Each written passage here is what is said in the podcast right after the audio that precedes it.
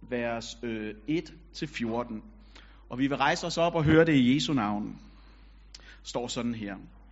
En gang på en sabbat var Jesus kommet ind for at spise hos en af de ledende farisæere. Og de sad og holdt øje med ham. Der stod der foran ham en mand, som led af vand i kroppen. Og Jesus spurgte de lovkyndige og farisæerne, er det tilladt at helbrede på sabbaten eller ej? Men de sagde ingenting. Så rørte han ved manden og helbredte ham og lod ham gå. Derpå sagde han til dem, hvis en af jer har en søn eller en okse, som falder i en brønd, vil han så ikke straks trække dem op, selvom det er på en sabbat? Det kunne de ikke svare på. Jesus lagde mærke til, hvordan de indbudte udvalgte sig de øverste pladser ved bordet. Fortalte han dem en lignelse. Når du bliver indbudt til bryllup, så sæt dig ikke øverst ved bordet. Måske der er indbudt en, der er fornemmere end du. Og så kommer han, der har indbudt jer begge, og siger til dig, giv ham din plads. Så må du med skam indtage den nederste plads. Ja. Nej, når du bliver indbudt, gå derhen og sæt dig på den nederste plads, så at han, der indbød dig, kan komme og sige, min ven, sæt dig højere op, så bliver du hedret i alle gæsters påsyn. For enhver, som ophøjer sig selv, skal ydmyges, og den, der ydmyger sig selv, skal ophøjes. Og han sagde til ham, og til ham, der havde indbudt ham, sagde Jesus, når du indbyder til frokost eller til middag, så undlad at indbyde dine venner, dine brødre, dine slægtninge eller dine rige naboer, for at de ikke skal indbyde dig igen og gøre gengæld. Nej, når du vil holde en fest, så indbyd fattige, vandfører, lamme og blinde. Der skal du være salig, for de har ikke noget at give dig til gengæld, men det vil blive gengældt dig ved de retfærdiges opstandelse. Det er Guds ord. Amen. Værsgo at sidde ned. Vi vil fortsætte med at bede sammen. Kære Jesus, tak fordi vi må få lov til at træde frem for nådens trone nu. Jesus, jeg beder dig om, at vi i dag, den her formiddag, må finde noget og hjælp i rette tid. Jesus, jeg beder dig om, at du må komme i dag og give os det, som du ser, vi har brug for. Og Jesus, du ved, der er mange ting, der kan fylde os. Der er meget, vi kan være optaget af allerede. Der er ingen, der er kommet fra et vakuum herinde i dag. Så Jesus, jeg beder dig om, at du må komme nu og give vores sind, vores tanker ro. Så de ikke er alle mulige andre steder. Men er her sammen med dig, så vi kan høre det, du vil sige til os, og tage imod det, som du gerne vil give os. Amen.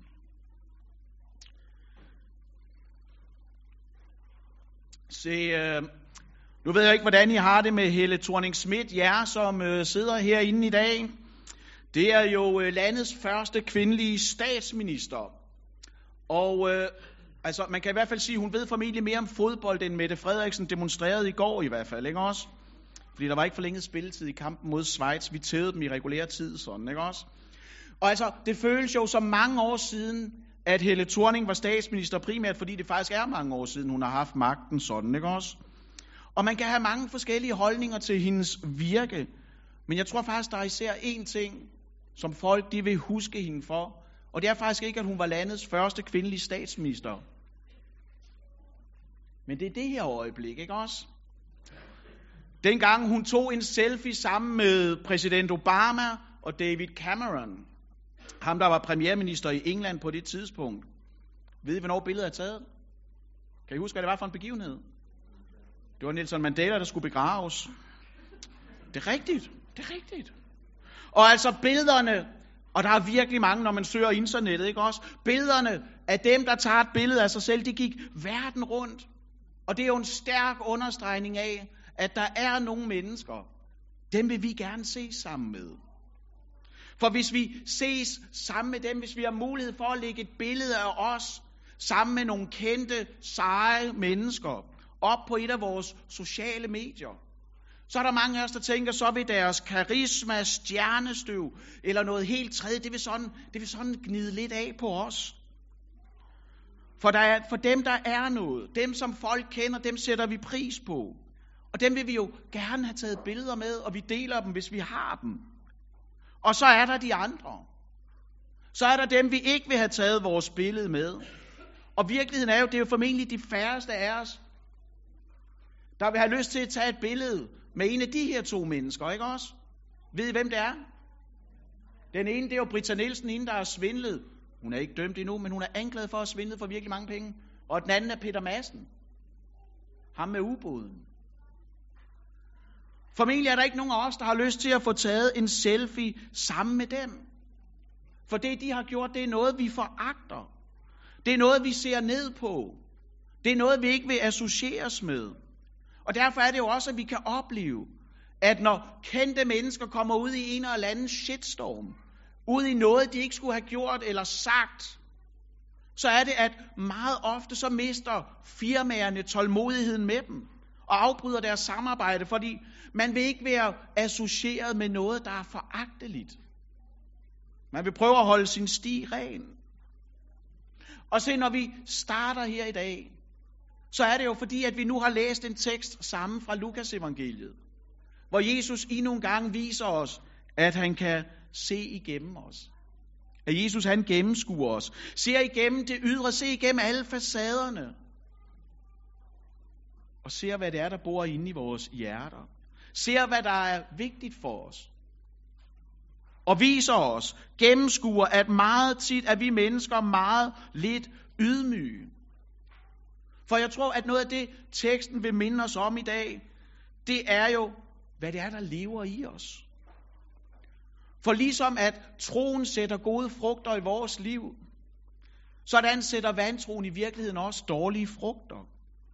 Og det vil vi jo vende os imod lige om lidt, når vi har sat scenen for dagens tekst, så når vi både har den nære og den lidt større kontekst med. Og se, den, den store kontekst, det er jo, og jeg ved godt, jeg har sagt det virkelig mange gange hernede efterhånden, ikke også? Men det er jo, at når vi er forbi kapitel 9, vers 51 i Lukas evangeliet, så er Jesus på vej mod korset i Jerusalem. Så er han på den sidste vandring mod byen, hvor han skal give sit liv for verden. Med målrette skridt, der går Jesus sin egen lidelse i møde, for at enhver, som tror på ham, skal frelses. Det er den store kontekst. Frelseshistorien er tæt på sit klimaks. Inden længe vil alle Guds løfter have fået deres ja i Jesus. Men han er ikke nået frem endnu. Så undervejs mod Jerusalem, der har Jesus stadigvæk tid til at møde mennesker i øjenhøjde. For at tale med dem, for at helbrede dem, for at udfordre dem og for at frelse dem. Den nære kontekst, den handler jo om, at i kapitel 13, der har Jesus helbredt en kvinde på sabbaten, som var krumbåret. Det er den tredje helbredelse, Jesus gjorde på en sabbat. Det har jeg skrevet om i forberedelsespapiret til i dag. Og i vores tekst så er det så fjerde gang, at Jesus han viser sin magt på en sabbat.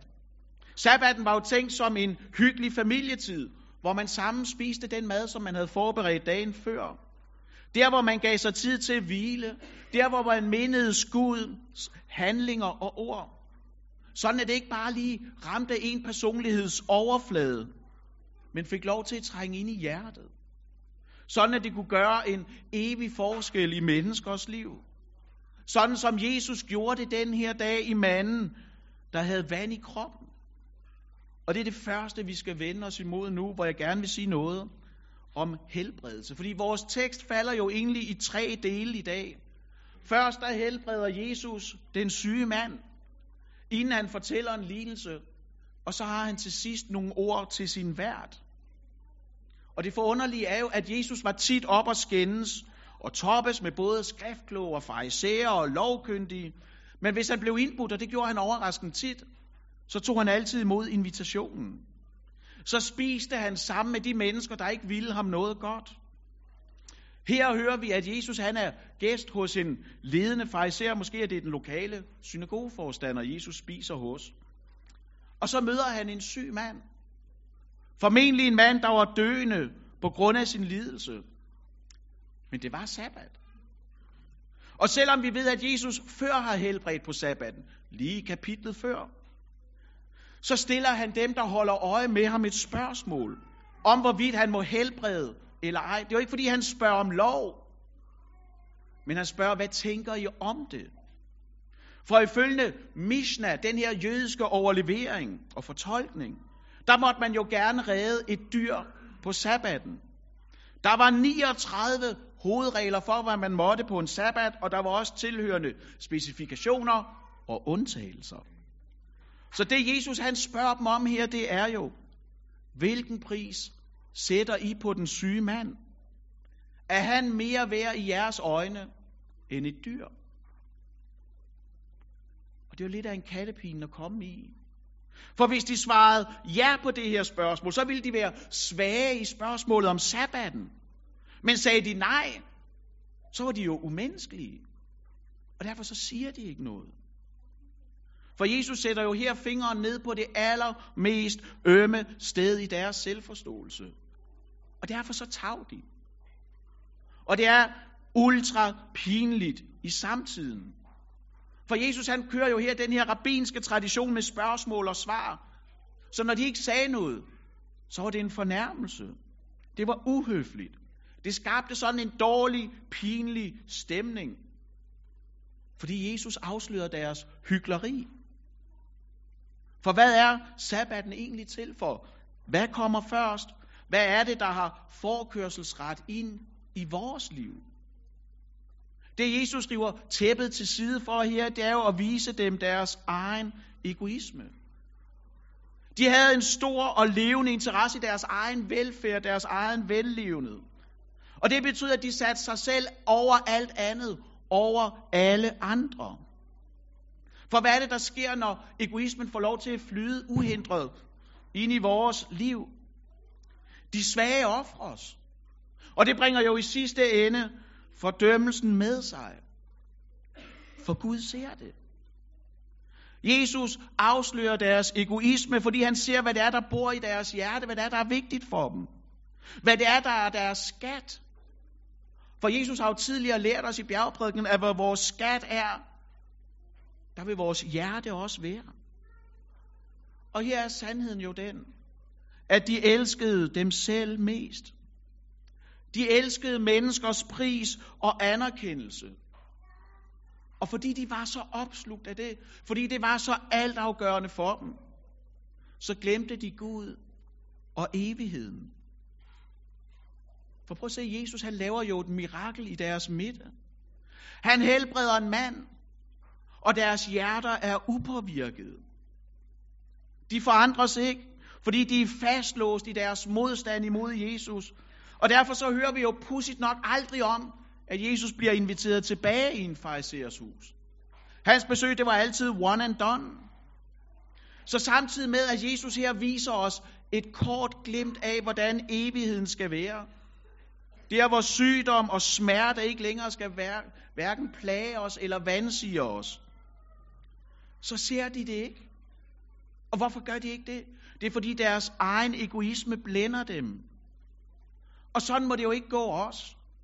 Vi må jo ikke være der, hvor vi selv fylder alt, så der ikke er plads til Jesus i vores liv. Og det er jo det næste, jeg gerne vil prøve at sige lidt om nu. Hvor jeg gerne vil advare imod at blive forblændet.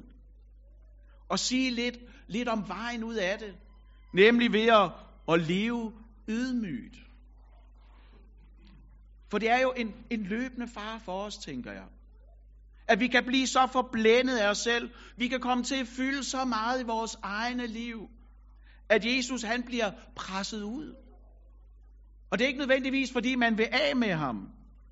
Der er bare ikke plads. Der er så meget andet, der kommer før. Og derfor har vi jo alle sammen brug for i dag, uanset hvor længe vi har vandret med Jesus og hører følgende. Elsk ikke verden. Det har vi brug for at høre. Så selvet ikke fylder alt. For at se sig selv som værende frelst alene af noget, og så være egoistisk, det er gensidigt udelukkende. Det Jesus han gør her, det er jo, at han advarer os imod en grøft, hvor vi ellers meget nemt kan komme til at haverere vores åndelige liv i. For det er, hvad der sker, når vi sætter os selv øverst, højest og forrest. For i livet, der vil det altid vise sig, hvem er det, der bor i vores hjerte? Hvem er det, der sidder på tronen? Og egoismen er jo ikke forenlig med kristen liv eller tjeneste. Og derfor så tror jeg, at teksten rammer noget ekstremt ømt i os. En, en blottet nerve, så at sige. For os, der nemt kan forveksle opmærksomhed med kærlighed. Og travlhed med betydningsfuldhed. For selviskhed. Det reducerer jo altid de andres liv, og det får større betydning af mit eget liv. Og jeg tror, vi alle sammen har mærket, vi har alle sammen oplevet det. For vi kender formentlig alle sammen til situationer, hvor vi har stået i en kø, og så er der pludselig nogen, der springer os over. Så er der en, der bryder ind foran. Hvor vi føler os overset og forundret over, hvorfor skal de andre tilføre os? Jesus, han havde jo kritiseret farisæerne for at elske deres position. Det var, en, det var et kendt opgør, Jesus tog med dem. Men de hørte jo ikke efter. For Jesus var for dem alene en trussel, ikke nogen frelser. De var ledere i landet, men de var samtidig ekstremt langt fra Jesus, fordi de var forblændet af loven. De troede på, at de kunne frelse sig selv. De troede, at de kunne blive frelst, hvis de bare anstrengte sig nok. De holdt loven i de ydre, så ned på dem, det ikke lykkedes for. Men de elskede ikke dem, deres næste som dem selv. Og derfor så elskede de heller ikke Gud. Det eneste, de elskede, det var illusionen om dem selv. De var blevet åndelige narcissister. Og deres egne høje tanker om dem selv, det holdt dem ude fra himlen. For deres egen fromhed, det gav dem jo en følelse af overlegenhed. De troede alene på frelse igennem anerkendelse eller genkendelse. De troede på det evige liv gennem midlertidig betydning. De troede på udødelighed gennem kendthed. Og de tog fejl. Og vi må jo ikke lave den samme fejl, os der lever i selvisendelsens tidsalder. Hvor vi tror alt for lidt på Gud, og alt for meget på os selv. For dagens tekst rummer jo en advarsel om ikke at glemme Gud. Bladrer vi bare to kapitler længere frem hos Lukas, så kommer vi til lignelsen om den rige mand og Lazarus. Hvorfor, hvorfor gav den rige mand ikke Lazarus krummerne fra hans bord? For det første var det, fordi han ikke så ham. Og for det andet var det, fordi han ikke kunne give ham noget igen. For i datiden, der levede man i høj grad efter gengældelsens lov. Hvor man gav og tog alt efter, hvad der var mest gavnligt for en selv. Og hvis vi skal være lidt skarpe, ikke også? Så er det vel nogenlunde det samme, der sker i loungen nede i Silkeborg Stadion i dag, ikke også? Og Jesus han afskaffer jo her tankegangen om noget for noget, når han i den sidste del af vores tekst taler til verden. Og det Jesus han siger her, det er jo, vi skal ikke kun være sammen med mennesker, der kan give os noget igen. Jesus udfordrer her til at være gavmild og gæstfri. Vi kender alle sammen til at skulle fortjene os til noget. Men sådan er det ikke med nåden. Nåden er gratis og fri, uden fortjeneste. Gud er ikke heldig med, at vi vil være på hans hold, men vi er alene frelste, fordi han ville os. I samtiden, på Jesu tid, der blev man jo sat relationelt ved middag og fester. Jo tættere på verden du var, jo vigtigere var du. Og det kører ikke i nogen bue udenom os kristne. På ingen måde. Prøv at tænke på disciplene. De var ret så optaget af, hvem af os er den største? Hvem af os er den vigtigste? Og det slap dem aldrig. Og vi skal vogte os for ikke at ende som en af dem. For vi er jo kaldet til at have det samme sind over for hinanden. Som ham, der gav afkald og tog en tjener skikkelse på. Og derfor rummer vores tekst i dag et kald til at udleve en generøs gavmildhed, hvor vi inviterer mennesker ind i vores liv, for at Gud kan blive en del af deres liv. For jeg tror, at noget af det allermest modkulturelle, vi kan gøre i dag, udover at forblive gift, det er jo at være gæstfri. For jeg er helt med på, at troen kommer af det, der høres. Men mange af os, vi hører nogle gange bedst, når vi er trygge og føler os hjemme. Og derfor så kaldes vi til at elske mennesker ind i troen. Og derfor så er jeg faktisk ret glad for det her. Jeg ved ikke, om I kan se det, om jeg er for bredskuldret, men altså. Derfor er jeg faktisk ret glad for det billede, som hænger her bag ved mig. Fordi jeg faktisk synes, at det er jo et billede, der på udmærket måde illustrerer vores ønske om at være generøs gavmild. Det er noget af det, vi taler om i det her efterår, i vores vision. Med discipleskab, også i forvaltertanken. Og jeg synes, det her billede meget, meget, meget fint symboliserer vores ønske om at være generøs gavmilde. For det viser os jo, at vi holder vores penge med en åben hånd, sådan at Gud kan nå dem. Og jeg ved godt, der er andre valutaer end bare penge, som vi tillægger værdi. Og vi skal være generøse i dem alle. Sådan at vi kan nå redskaber i Guds hånd til at nå mennesker med evangeliet her i Silkeborg.